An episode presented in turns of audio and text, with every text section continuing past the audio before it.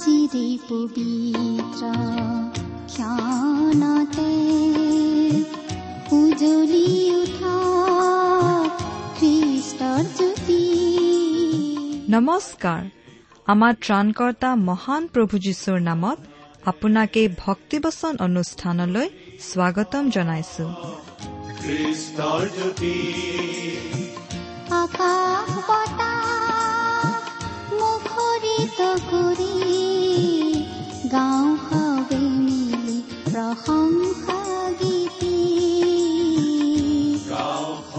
এয়া মুকলি কৰিছো ঈশ্বৰৰ জীৱিত বাক্যৰ ধাৰাবাহিক অনুষ্ঠান ভক্তি বচন।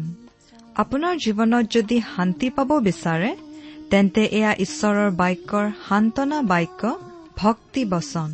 গতিকে আহক আজিৰ শিক্ষা শুনো।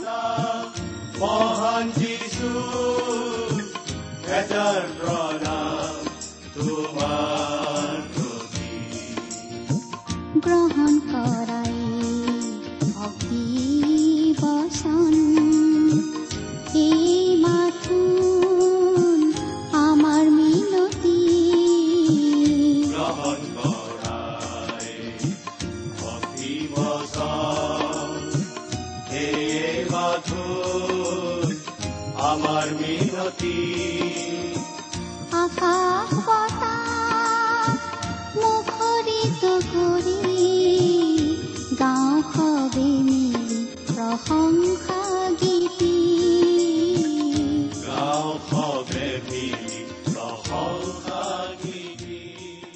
আমাৰ মহান ত্ৰাণকৰ্তা প্ৰভু যীশুখ্ৰীষ্টৰ নামত নমস্কাৰ প্ৰিয় শ্ৰোতা। আশা কৰোঁ আপুনি ভালে কুশলে আছে। আশা কৰোঁ আপুনি আমাৰ এই অনুষ্ঠানটো নিয়মিতভাৱে শুনি আছে। এই অনুষ্ঠান শুনি আপুনি কেনে পাইছে সেই বিষয়ে আপোনাৰ মতামত আদি জনাই আমালৈ চিঠি পত্ৰও নিশ্চয় মাজে মাজে লিখি আছে। সেইবাবে আপোনালোকক আমি ধন্যবাদ জনাইছো। পাৰিলে আজিও আপোনালোকে দুষাৰিমান আমালৈ চিঠি লিখি পঠিয়াওকচোন। কিয়নো আপোনালোকৰ পৰা চিঠি পত্ৰ পাবলৈ আমি আগ্ৰহেৰে বাট চাই থাকো। আমাৰ ঠিকনা ভক্তিবচন টি ডব্লিউ আৰ ইণ্ডিয়া ডাক বাকচ নম্বৰ সাত শূন্য গুৱাহাটী সাত আঠ এক শূন্য শূন্য এক। ভক্তিবচন T W R India post box number seventy Guwahati seven eight one zero' zero' one. আমাৰ website W W W dot radio' eight eight two dot com. প্ৰিয় শ্ৰোতা আপুনি বাৰু আমাৰ যোৱা অনুষ্ঠানটো শুনিছিলনে? যোৱা অনুষ্ঠানত আমি বাইবেলৰ এখন পুস্তকৰ অধ্যয়নৰ সামৰণি মাৰিছিলো। গতিকে আজি আমি আন এখন পুস্তক অধ্যয়নৰ বাবে হাতত ল'ব খুজিছো। আৰু এই পুস্তকখন হৈছে বাইবেলৰ পুৰণি নিয়ম খণ্ডৰ নহুম ভাৱবাদীৰ পুস্তক। চমুকৈ আমি মাজে মাজে নহুম বুলিয়েই ক'ম। আৰু এই নহুম পুস্তকখন হৈছে এখন ভাৱবাণীমূলক পুস্তক। ইয়াত ভৱিষ্যতে ঘটিবলগীয়া কথা কিছুমান জনাই দিয়া হৈছে। প্ৰিয় শ্ৰোতা আহক সদায় কৰি অহাৰ নিচিনাকৈ আজিও আমাৰ বাইবেল অধ্যয়ন আৰম্ভ কৰাৰ আগতে খন্তেক প্ৰাৰ্থনাত মূৰ দুৱাওঁ হওক প্ৰাৰ্থনা কৰোঁ। স্বৰ্গত থকা মহান পিতৃ ঈশ্বৰ তোমাৰ মহান নামৰ ধন্যবাদ কৰোঁ। তুমি সৰ্বশক্তিমান সৰ্বব্যাপী সৰ্বজ্ঞানী ঈশ্বৰ। তুমি আমাক প্ৰেম কৰোতা ঈশ্বৰ। তুমি আমাক ইমানেই প্ৰেম কৰিলা যে আমাক উদ্ধাৰ কৰিবলৈ তোমাৰ একেজাত পুত্ৰ যীশুখ্ৰীষ্টকেই আমালৈ দান কৰিলা। তেওঁ ক্ৰুচত প্ৰাণ দি আমাৰ সকলো পাপৰ প্ৰাচিত্য কৰিলে আৰু তৃতীয় দিনা জি উঠি নিজৰ ঈশ্বৰত্বৰ প্ৰমাণ দিলে। আজি তেওঁত বিশ্বাস কৰি আমি পৰিত্ৰাণ লাভ কৰিব পৰা হৈছো আৰু তোমাক পিতৃ বুলি মাতিব পৰা হৈছো। তাৰ বাবে তোমাক অশেষ ধন্যবাদ পিতা। এতিয়া আমি তোমাৰ মহান বাক্য বাইবেল শাস্ত্ৰ অধ্যয়ন কৰিবলৈ ওলাইছো প্ৰাৰ্থনা কৰিছো। তুমি তোমাৰ বাক্য বুজিবলৈ আমাক সহায় কৰা আৰু আমাৰ প্ৰতিজনৰ আগত নিজকে অধিককৈ প্ৰকাশ কৰা। আমাৰ মৰমৰ শ্ৰোতাসকলৰ জীৱনত তোমাৰ আশীৰ্বাদ প্ৰকাশ পাই উঠিবলৈ দিয়া আশীৰ্বাদ উপচাই দিয়া কিয়নো এই প্ৰাৰ্থনা আমাৰ পাপৰ প্ৰায়চিত্ৰ কৰিবলৈ ক্ৰুচত প্ৰাণ দি তৃতীয় দিনা পুনৰ জি উঠি এতিয়া স্বৰ্গত আমাৰ বাবে নিবেদন কৰি থকা ত্ৰাণকৰ্তা প্ৰভু যীশুখ্ৰীষ্টৰ নামত আগবঢ়াইছো। আমেন। প্ৰিয় শ্ৰোতা নহুম ভাৱবাদীৰ পুস্তকখন আমি বাইবেলৰ সবাতোকৈ গুৰুত্বপূৰ্ণ পুস্তক বুলি ক'ব খোজা নাই। কিন্তু এই পুস্তকখন যথেষ্ট গুৰুত্বপূৰ্ণ আৰু এই পুস্তকখন এটা বিশেষ উদ্দেশ্যত ঈশ্বৰৰ বাক্যত অন্তৰ্ভুক্ত হৈ আছে। আমি এই কথাটো অতি দৃঢ়ভাৱে ক'ব পাৰোঁ যে এই নহুম ভাৱবাদীৰ পুস্তকখনৰ পৰা খুব কম শিক্ষকেহে শিক্ষা দিয়া আমি শুনিবলৈ পাওঁ। অৱশ্যে ভাৱবাদীক অদ্ভুত ৰূপত প্ৰকাশ কৰা কিছুমান মানুহৰ পৰা এই পুস্তকখনে কিছু মনোযোগ আকৰ্ষণ কৰাও আমি দেখা পাওঁ। এনে চমকপ্ৰদ কথা কোৱা কোনো কোনো লোকে ক'ব খোজে নহুম ভাৱবাদীয়ে হেনো মটৰ গাড়ীৰ বিষয়ে ভাৱবাণী কৰি এই বুলি লিখিছিল। দুই নম্বৰ অধ্যায়ৰ চাৰি নম্বৰ পদত নগৰৰ বাহিৰ ঠাইত ৰথবোৰ বলিয়াৰ দৰে চলিছে। সেইবোৰ মুকলি ঠাইত ইখনে সিখনে খুন্দা খাইছে। সেইবোৰ দেখিবলৈ আৰিয়াৰ নিচিনা। সেইবোৰ বিজুলীৰ নিচিনাকৈ অতি বেগেৰে গৈছে। কিন্তু ইয়াত আচলতে মটৰ গাড়ীৰ বিষয়ে একো কোৱা নাই। এইখিনি কথা যেতিয়া আমি পাম তেতিয়া সেই কথা আমি আলোচনা কৰিম। আচলতে এই নহুম ভাৱবাদীৰ পুস্তকত আমি অতি গুৰুত্বপূৰ্ণ ভাৱবাণী পাওঁ। অৱশ্যে সেই ভাৱবাণী সময়ৰ লগত খাপ নোখোৱা যেন লাগে প্ৰথমতে আমি ক'ব পাৰোঁ যে নহুম ভাৱবাদীৰ বিষয়ে আমি খুব কম কথাহে জানো আৰু তেওঁৰ কথাখিনিৰ মূল বিষয় আচলতে এটাই। ওচৰীয়া সাম্ৰাজ্যৰ ৰাজধানী নিনবী নগৰৰ ওপৰলৈ অহা সোধ বিচাৰ আৰু দণ্ডৰ কথা। তেওঁৰ ভাৱবাণী এই বিষয়টোক লৈয়েই আৰু এই ভাৱবাণীবিলাক ইতিমধ্যেই ফলিয়ালে। গতিকে আজি এই পুস্তকখনে আমাৰ কাৰণে কি অৰ্থ বহন কৰে বাৰু? আজিৰ সংস্কৃতি আৰু ব্যৱস্থাৰ সৈতে এই পুস্তকখননো কেনেদৰে খাপ খায়? আমাৰ বাবে নহুমৰ কিবা বাৰ্তা আছেনে বাৰু? ঈশ্বৰৰ বাক্যৰ অতি মন কৰিবলগীয়া কথা এইটোৱেই যে আমি যিখিনি শাস্ত্ৰাংশই নাচাওঁ কিয় তাতেই আমি আমাৰ বাবে এটা বাৰ্তা বিচাৰি পাওঁ। কিছুমান বিশেষভাৱে আমাক উদ্দেশ্য কৰিয়েই কোৱা হৈছে কিন্তু সকলোখিনি বাক্যই আমাৰ বাবে অৰ্থাৎ সকলোখিনিতেই আমাৰ বাবে এটা বাৰ্তা আছে। এই পুস্তকখনৰ লিখক হৈছে নহুম আৰু তেওঁৰ নামটোৰ অৰ্থ হৈছে সান্তনাদাতা। কিন্তু তেওঁ দিয়া বাৰ্তাটো সুধ বিচাৰ আৰু দণ্ডৰ বাৰ্তাহে। নহুমৰ নামটো তেওঁৰ কাম বা বাৰ্তাৰ লগত কেনেদৰে খাপ খাব পাৰে? তেওঁনো কেনেদৰে সান্তনাদাতা হ'ব পাৰে? এই কথাটো নিৰ্ভৰ কৰিছে সেই সুধ বিচাৰৰ কথাটো আমি কি দৃষ্টিভংগীৰে চাওঁ তাৰ ওপৰত। যদিহে আপোনাৰ শত্ৰু আপোনাক সদায় অত্যাচাৰ কৰি থকা জনলৈ সোধ বিচাৰ দণ্ড নামি অহাৰ বাৰ্তা আপুনি পায় তেনেহলে সেই বাৰ্তাটো আপোনাৰ বাবে সান্তনাৰ বাৰ্তা হ'ব পাৰে। এই পুস্তকখনৰ প্ৰথম পদটোতে নহুমৰ চিনাকিটো দিয়া হৈছে। পাঠ কৰি দিছো প্ৰথম পদটো। নিনবী বিষয়ক ভাৰ বাক্য। ইলকুচিয়া নহুমৰ দৰ্শন পুস্তক। ইলকুচিয়ানো বাৰু কিয় কাক কোৱা হৈছে বা কাকনো ইলকুচিয়া বুলি কোৱা হয়? ইলকুচ নগৰখনৰ পৰিচয় কেইবাটাও হ'ব পাৰে। প্ৰথমতে অচুৰ দেশত নিনবী নগৰৰ কেইমাইলমান উত্তৰত ইলকুচ নামৰ এখন নগৰ আছিল। হয়তো নহুম ভাৱবাদী তাতেই আছিল আৰু নিনবীৰ বিষয়ে ভাৱবাণী ঘোষণা কৰিছিল। যেনেকৈ দানিয়েলেও বাবিল নগৰৰ বিষয়ে ভাৱবাণী কৰিছিল। অৱশ্যে আমি এই কথাটো গ্ৰহণ কৰিব নোখোজো কাৰণ পুস্তকখন পঢ়িলে আমি বুজি পাওঁ যে নহুম নিনবীলৈ যোৱা নাছিল। তেওঁক নিনবীলৈ যাবলৈও কোৱা হোৱা নাছিল। দ্বিতীয়তে আন এটা ব্যাখ্যা মতে গালিলত ইলকুচ নামৰ এখন গাঁও আছিল। এইখনেই নহুমৰ জন্মস্থান বুলি আজিকালি মানুহে ক'ব খোজে। অৱশ্যে সেয়া মানুহৰ মুখে মুখে বাগৰি অহা কথাহে।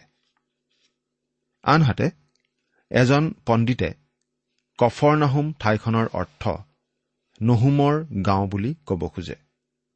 কফৰ নাহুমটো যদি ইব্ৰী শব্দ তেনেহলে সেই শব্দটোৰ ইতিহাস এটা নিশ্চয় আছে। আৰু আমি কথাটো আনধৰণে ভবাৰ নিশ্চয় যুক্তি নাই। নহুম হয়তো তাতেই জন্মিছিল নাইবা তাতেই ডাঙৰ দীঘল হৈছিল। তৃতীয়তে আকৌ দক্ষিণৰ জিহুদাটো ইলকুচ নামৰ ঠাই এখন আছিল। ইলকুচটো এটা জনপ্ৰিয় নাম আছিল যেন আমাৰ লাগে। বহুতো ঠাইৰ নাম আমি প্ৰায় প্ৰত্যেক প্ৰদেশতেই পাব পাৰোঁ। ইলকুচ নামৰ ঠাইও বহুতো আছিল বুলি আমি বুজি পাওঁ। বহুতো লোকে এই বুলিয়েই মত পোষণ কৰে যে নহুম আচলতে উত্তৰখন ৰাজ্য অৰ্থাৎ ইছৰাইলত জন্মিছিল কিন্তু পাছত তেওঁ দক্ষিণত জিহুদা দেশত থকা ইলকুচলৈ আহি বাস কৰিছিল। তেওঁ হয়তো ডেকা বয়সত সেই ঠাইলৈ গৈছিল আৰু সেই জিহুদা দেশতেই ডাঙৰ দীঘল হৈছিল। এই ভাৱবাণী লিখা ব্যক্তিজনে চেনাচৰিব ৰজাই জিৰচালেম আক্ৰমণ কৰা ঘটনাটো জানে বুলি অনুমান হয়। প্ৰথম অধ্যায়ত দিয়া বৰ্ণনাখিনি এজন প্ৰত্যক্ষদৰ্শীৰ বৰ্ণনা যেন আমাৰ লাগে। হিচকিয়া ৰজাৰ দিনত যেতিয়া অচুৰৰ ৰজা চেনাচৰিব বা আমাৰ বাইবেলত মতে চেনহৰিবে জিহুদা দেশ আক্ৰমণ কৰিছিল খুব সম্ভৱ নহুম এজন প্ৰত্যক্ষদৰ্শী আছিল। তেওঁ সেইবিলাক দেখি আছিল। তেনেহলে নহুম জিচয়া আৰু মিশা ভাৱবাদীৰ সমসাময়িক আছিল। বহুতো ব্যাখ্যাকাৰে এই কথা বিশ্বাস কৰে। অৱশ্যে আমি খাটাংকৈ একো ক'ব নোখোজো কিন্তু এই পুস্তকখন লিখাৰ সময় সাতশ বিছৰ পৰা ছশ ছয়ত্ৰিশ খ্ৰীষ্টপূৰ্বমানৰ ভিতৰত বুলি কোৱা হয়। নহুমক আচলতে জোনা ভাৱবাদীতকৈ এশ বছৰ পাছৰ বুলি ধৰাটো যুক্তিসংগত যেন লাগে। তেওঁ খুব সম্ভৱ হিচকিয়া ৰজাৰ দিনত বাস কৰিছিল আৰু উত্তৰৰ ৰাজ্যখন অৰ্থাৎ ইছৰাইল ৰাজ্য ধ্বংস হোৱাটো নিজ চকুৰে তেওঁ দেখিছিল আৰু সেই ঘটনাটোৱে তেওঁৰ মনত অতি দুখ জন্মাইছিল। নহুম ভাৱবাদীয়ে নিনবী নগৰৰ ধ্বংসৰ বাতৰি দিছে। অচুৰৰ ৰাজধানী আছিল এই নিনবী নগৰ। তেওঁ গোটেই অচুৰ দেশৰ ওপৰলৈ ঈশ্বৰৰ সোধ বিচাৰ দণ্ড ঘোষণা কৰিছে।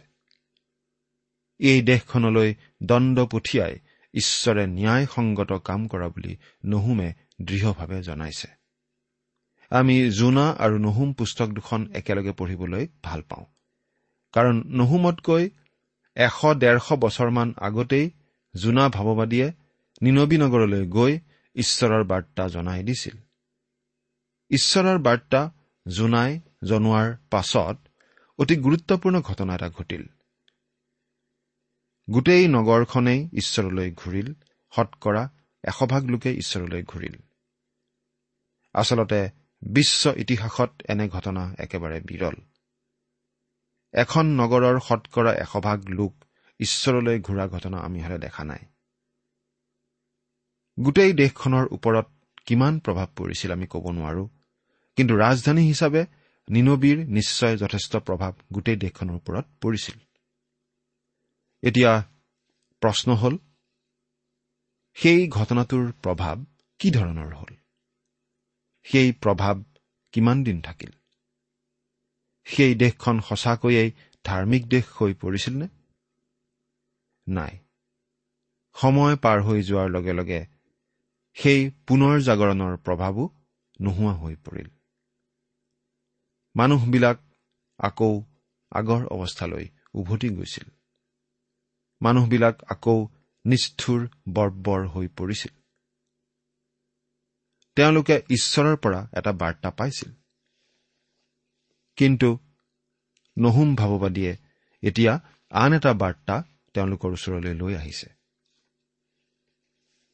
নহুম ভাৱবাদীয়ে নিজে নিনবীলৈ গৈছিল বুলি আমি নাভাবো। আমি ভাবো। তেওঁ দক্ষিণৰ জিহুদা ৰাজ্যতেই আছিল। কিন্তু ঈশ্বৰে যদি জোনাক নিনবীলৈ পঠিয়াইছিল তেনেহলে নহুম ভাৱবাদীকো ঈশ্বৰে সেই নিনবী নগৰলৈ নপঠিয়ালে কিয়? ঈশ্বৰৰ পদ্ধতি বেলেগ বেলেগ। ঈশ্বৰ সলনি নহয় কিন্তু তেওঁ সময়ে সময়ে তেওঁৰ পদ্ধতি সলনি কৰে। তেওঁ জোনা ভাৱবাদীক নিনবীলৈ পঠিয়াইছিল কাৰণ নিনবী অতি মন্দ চহৰ আছিল। কিন্তু তেওঁলোকে ঈশ্বৰৰ কথা একেবাৰে জনা নাছিল। যেতিয়া সেই বাৰ্তা পালে তেতিয়া ৰজাৰ পৰা সাধাৰণ প্ৰজালৈকে সকলো লোক ঈশ্বৰলৈ ঘূৰিল। আৰু সেইবাবে ঈশ্বৰে তেওঁলোকক শাস্তি নিদিলে শাস্তিৰ পৰা ৰেহাই দিলে। কিন্তু এতিয়া এশ ডেৰশ বছৰমান পাৰ হৈ গ'ল। আৰু নগৰখন আকৌ আগৰ কুপথলৈ উভতি গ'ল। নুহুম কিয় নগ'ল কাৰণ তেওঁবিলাকে ইতিমধ্যেই পোহৰ পাইছিল। কিন্তু সেই পোহৰ তেওঁলোকে এতিয়া প্ৰত্যাখ্যান কৰিছে। প্ৰিয় শ্ৰোতা প্ৰভু যীশুৱে এষাৰ কথা কৈছিল। তেওঁ এইবুলি কৈছিল কিন্তু তোমাৰ চকু যদি বেয়া হয় তেন্তে তোমাৰ গোটেই শৰীৰ অন্ধকাৰময় হ'ব। এতেকে তোমাৰ অন্তৰৰ পোহৰ যদি আন্ধাৰ হয় তেন্তে সেই আন্ধাৰেই কিমান গভীৰ। মুঠি ছয় নম্বৰ অধ্যায়ৰ তেইছ নম্বৰ পদ। পোহৰনো কাৰোবাৰ বাবে আন্ধাৰ কেনেদৰে হ'ব পাৰে? ঈশ্বৰৰ বাক্য প্ৰত্যাখ্যান কৰা মানে পোহৰেই আন্ধাৰত পৰিণত হোৱাৰ নিচিনা কথা। আজি আমাৰ হাতত প্ৰয়োজনতকৈ অধিক সংখ্যক বাইবেল থাকিব পাৰে। কিন্তু আমি বাৰু পঢ়োনে সেই অচুৰীয়াবিলাকেও সেই অচুৰ জাতিয়েও পোহৰ পাইছিল। কিন্তু ফল কি হৈছিল? তেওঁলোকৰ পোহৰ আন্ধাৰত পৰিণত হৈছিল। সেই আন্ধাৰ অতি গভীৰ। অচুৰীয়াবিলাকে পোহৰ পাইছিল। ঈশ্বৰে তেওঁলোকলৈ বাৰ্তা পঠিয়াইছিল। কিছু সময়ৰ বাবে তেওঁলোকে মন পালটন কৰি জীৱন্ত আৰু প্ৰকৃত ঈশ্বৰৰ সেৱা কৰিছিল। ঠিক পুনৰ জাগৰণৰ নিচিনা ঘটনা। কিন্তু সেয়া স্থায়ী নহল। আজিও পুনৰ জাগৰণবিলাকৰ ক্ষেত্ৰত প্ৰায়ে আমি তেনে ঘটি থকা আমি দেখিবলৈ পাওঁ। এখন পশ্চিমীয়া দেশৰ সবাতোকৈ বিখ্যাত পুনৰ জাগৰণৰ নেতা এজনৰ কবৰ চাবলৈ এজন পৰ্যটকে মন কৰিছিল। কিন্তু সেই দেশৰ টুৰিষ্ট গাইডজনে অতি কষ্ট কৰিহে সেই কবৰ বিচাৰি উলিয়াব লগা হৈছিল। সেই গাইডজনে কৈছিল জীৱনত আজি প্ৰথমবাৰৰ বাবে কোনোবাই এই কবৰটো চাবলৈ ইচ্ছা প্ৰকাশ কৰিছে। কিন্তু ভৱিষ্যতে আমি পৰ্যটকসকলক এই কবৰটো দেখুৱাবলৈ চেষ্টা কৰিম। এৰা সেই দেশখনে সেই বিখ্যাত পুনৰ জাগৰণৰ নেতাজনকেই পাহৰি গৈছে। আৰু সেই দেশৰ অধঃপতন আমি দেখি আছো। সেই দেশ ঈশ্বৰৰ পৰা আঁতৰি গৈছে। সেই নিনবীৰ ক্ষেত্ৰতো ঠিক তেনেকুৱাই হৈছিল। প্ৰিয় শ্ৰোতা আমাৰ বাবে ইয়াত এটা ডাঙৰ বাৰ্তা আছে। এই কথা মন কৰিবলগীয়া যে পৃথিৱীৰ ডাঙৰ ডাঙৰ সভ্যতাবিলাক প্ৰায় দুশ বছৰমান ধৰিহে বৰ্তি আছিল। আৰু এই সভ্যতাবোৰৰ সময় বা অৱস্থা চক্ৰ এনেধৰণৰ আছিল। প্ৰথমতে বন্দিত্বপূৰ্ণ অৱস্থাৰ পৰা আত্মিক বিশ্বাস।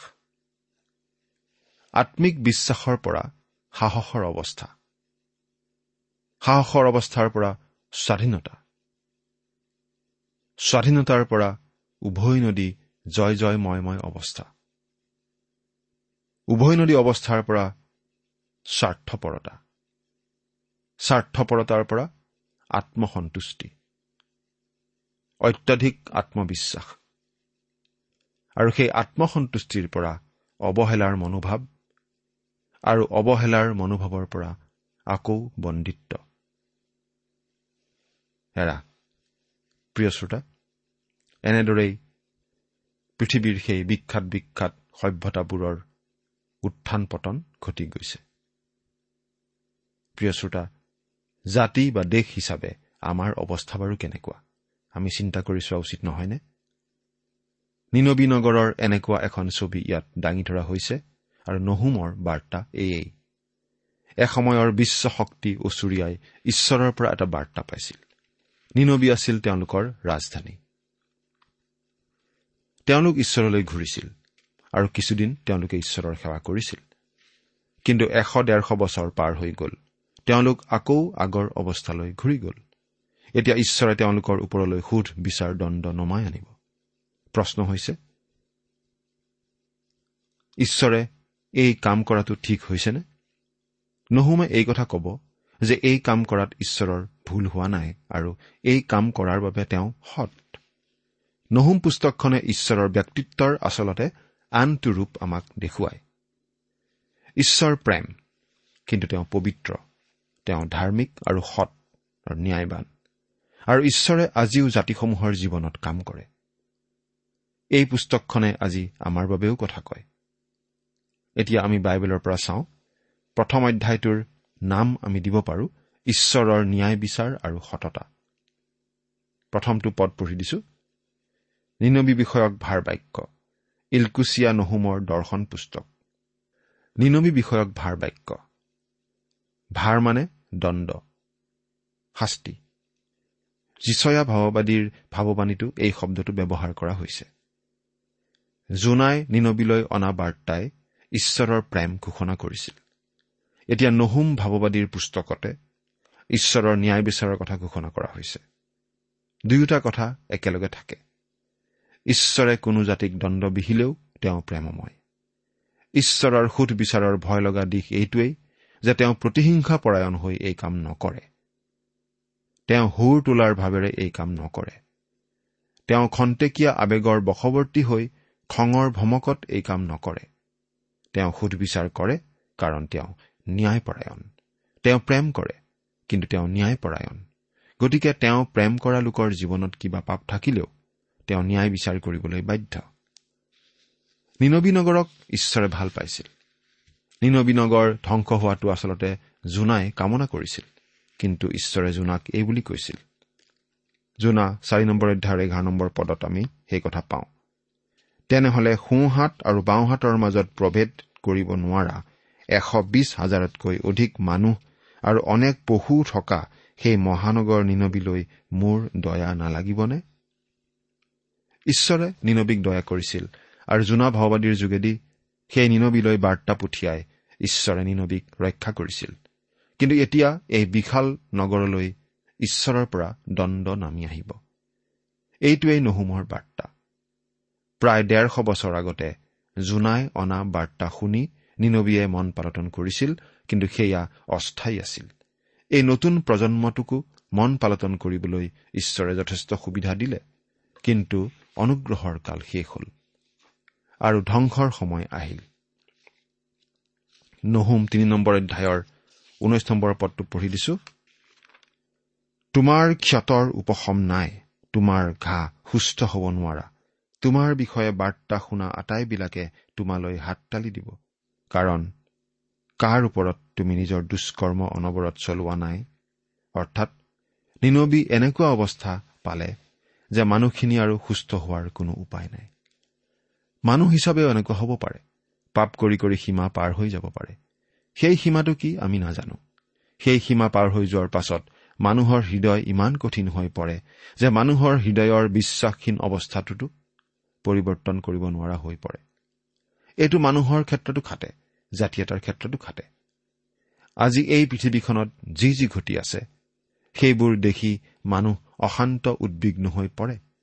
কিন্তু কথাবোৰ এতিয়াও ঈশ্বৰৰ নিয়ন্ত্ৰণৰ পৰা বাহিৰ হৈ যোৱা নাই আৰু যাবও নোৱাৰে। এতিয়াও ঈশ্বৰেই নিয়ন্ত্ৰণকৰ্তা।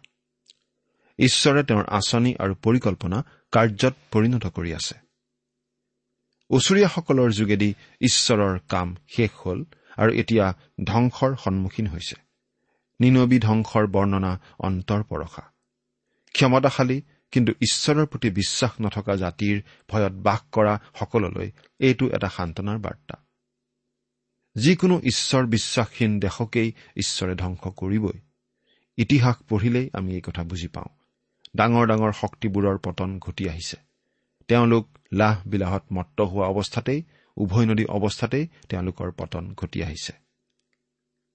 ব্যক্তিগতভাৱে আজি আমাৰ নিজৰ অৱস্থা বাৰু কেনেকুৱা? লাহ বিলাহত মত্ত হৈ আমি ঈশ্বৰক পাহৰি গৈছো নেকি বাৰু? চিন্তা কৰি চাওকচোন। ঈশ্বৰে আমাক আশীৰ্বাদ কৰক। আমেন।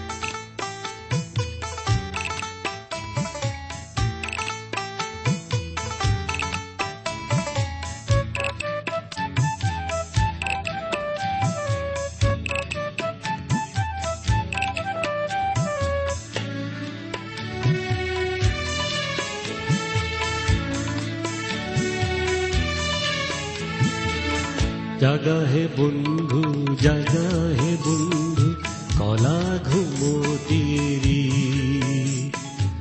শুই থাকোঁতেই বেলি লহিয়াই আৰু নকৰা দেৰি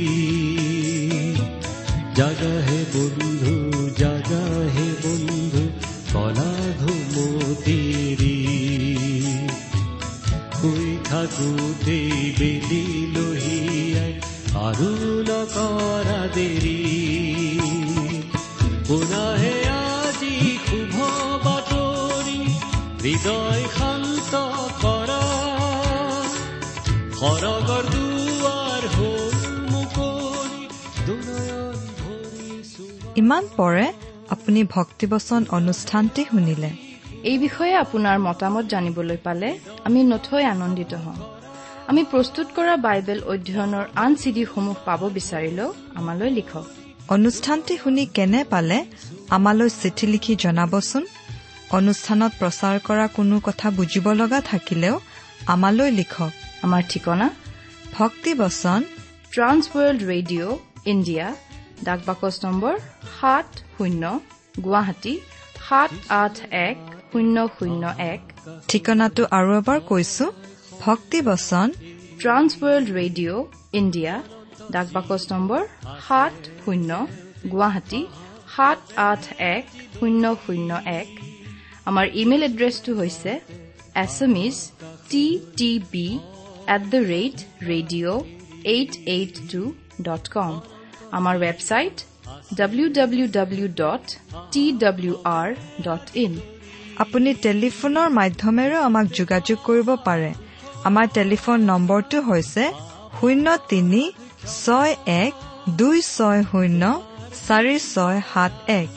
ফোন নম্বৰটো আকৌ এবাৰ কৈছো zero' three six one two six zero' four six seven one আজিৰ অনুষ্ঠানটি ইমানতেই সামৰিছো। ঈশ্বৰৰ শান্তি আৰু অনুগ্ৰহ আপোনাৰ লগত থাকক। ধন্যবাদ।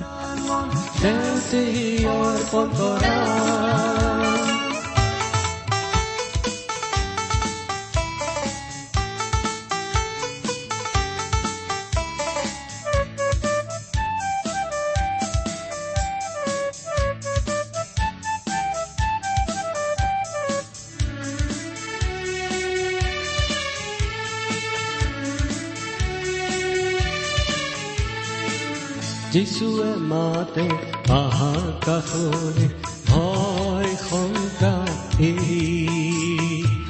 অনন্ত জীৱন আছে তেওঁতে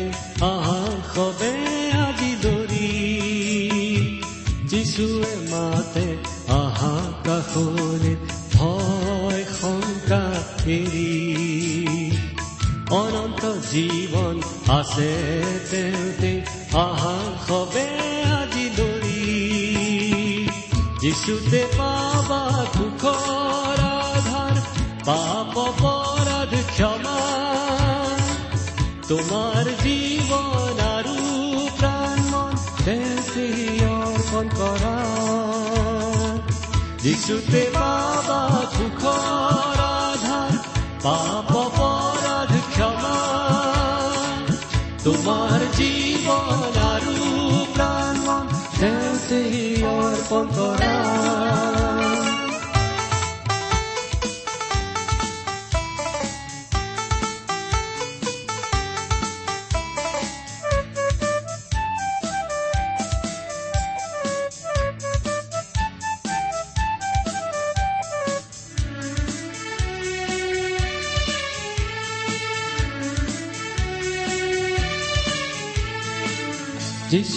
মাতে আহা কাষৰে ভয় শংকা এৰি অনন্ত জীৱন আছে তেওঁতে আহা সবে আজি দৰি যিচুৱে মাতে আহা কাষৰে ভয় শংকা এৰি অনন্ত জীৱন আছে তেওঁতে আহা সবে যিশুতে পাবা সুখৰ আধাৰ পাপ পৰাধ ক্ষমা। তোমাৰ জীৱন আৰু প্ৰাণ অৰ্পণ কৰা। যিশুতে পা